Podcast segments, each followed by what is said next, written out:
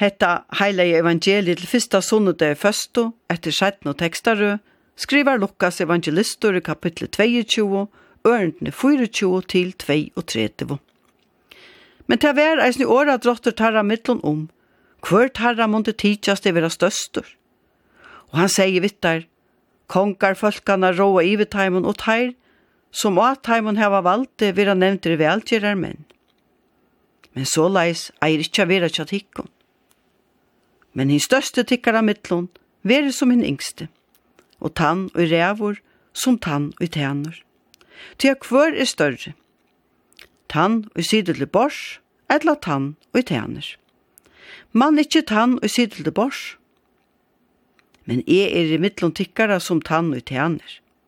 Men det er og tid som hava hilt i ut tja er i fresting og munnen, og e fai til kong kongadøme, ein så fægir mun hefur finnst i merda fyrir at tid skulle eta og drekka vi bor mutt og i mun og rujtje, og skulle sita i haseton og døma Israels tølv atter.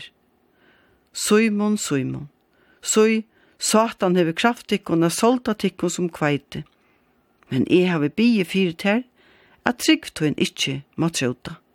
Og ta i to eina fyrir vender om, ta styrk brøvur tøynar. Vid er vi føstene tøyen til rannsakan, forsøvning og omvending. Hette er tøyen her vidt av olvara vera mynt om okkara minn og gau søyer, og høve er at hitja narri etter tøy som skal veljas fra. Sinter okkar er staurar og troplar, og vit vera av olvara mynt og menneskjalliga veikleikar utam tekstun som vit leser i kyrkjene og i morgen. Og I gamla testamentet lesa vi om brøvermor, Her verður sambandet mellom brøver setta brettan, og ter lover som er det samband vi til, hvordan vi liva vi gods bovun, til dømes til tutsi bøyene, som kunne haltast eller brøtast. Og vi høyra om kajen som bryter alla lover ta han dreper Batjasun. Epistelen, som er brevet fra Jakobe, omrøver at vi et menneske hava lintet til renn undan apyrt, Jakob hever omsorgan fyrir brøvren og systrum, eisni han kjenner menneskje, bæg styrstje og veikleikar. Og han mener til at vi halda fastu hver øren vi årenon, vittlest ikkje elskavu brøvur moiner.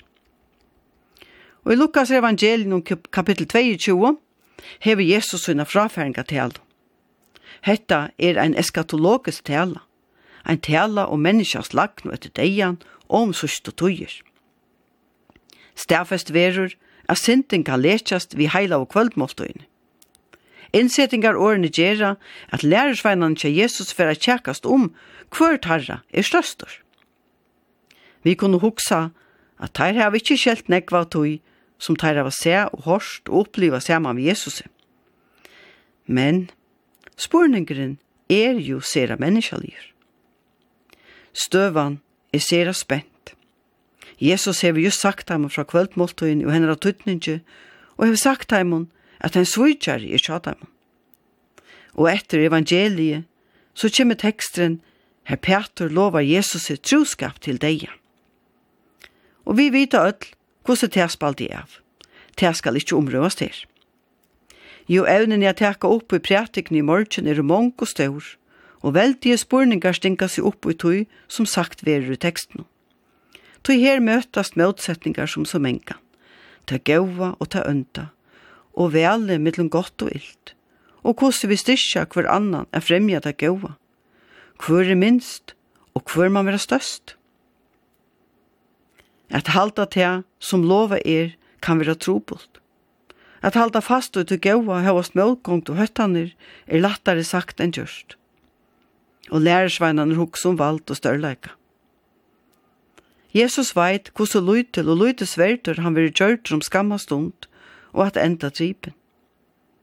Vi kunne kalla til møte mittelen til goddommelige og til menneskelige. Og paralleller kan dreies mittelen tøyen av Jesu døven og okkara, her som er vera linskjøye, om det ikke var som og askoan som fjølte. Anna evne er øvensjuk og valskjent, som atlar tøyer er vikommande til okkom. Her ber eisne til at teka fram okkar hoksan om, hva kan brukast i gos tjenestu, og hverjar veikleikar tei høttu, som var beinleis utvald, som til dømes Petur, som i det fer årene, ta to eina fyrir vendur om, ta styrk prøver tøynar. Vi kunne eisen i høskande spyrja om ikkje Petur vendur om, hver er så vendur om? Enn eit evni at hitja et og hitja inn etter. Hva bor i okkon? Og hva er føsta fyrir meg og til? Hvordan ser ut til mer? Har jeg bruk for omvending? Er det han neiut at det vera størst og fremst? Førstan er tøyen til omvending, til rannsakan og forsøvning. Om man koma nærre gode, og at søtja hans nærvero, at høyra hans år og teka vittøy, så vidt ikkje vittlast, men rementa stand i møte og halda av gåan sunnudag. Vi skulle i kvöld høyra solmen, kjenner to henda mastara mann.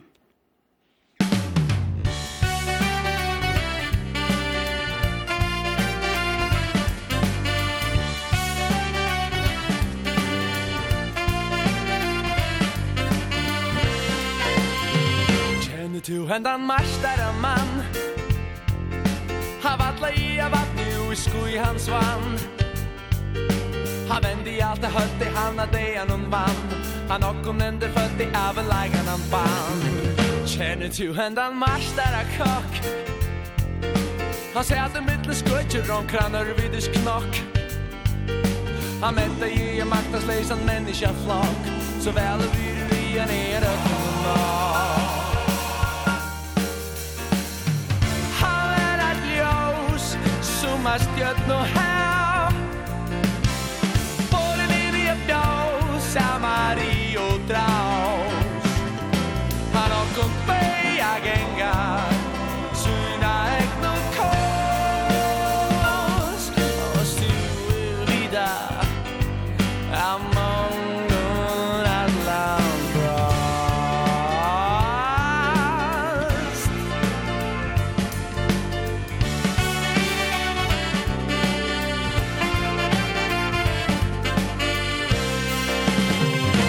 kjenner to en dan mars der er mann Han tempo falscher jeg kan liv levende og gang.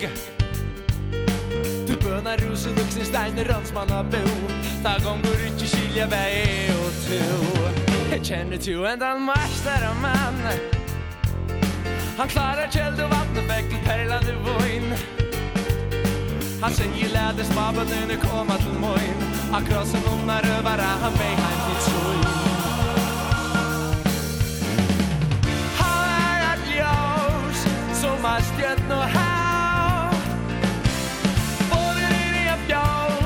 Mario Draus Han har kumpet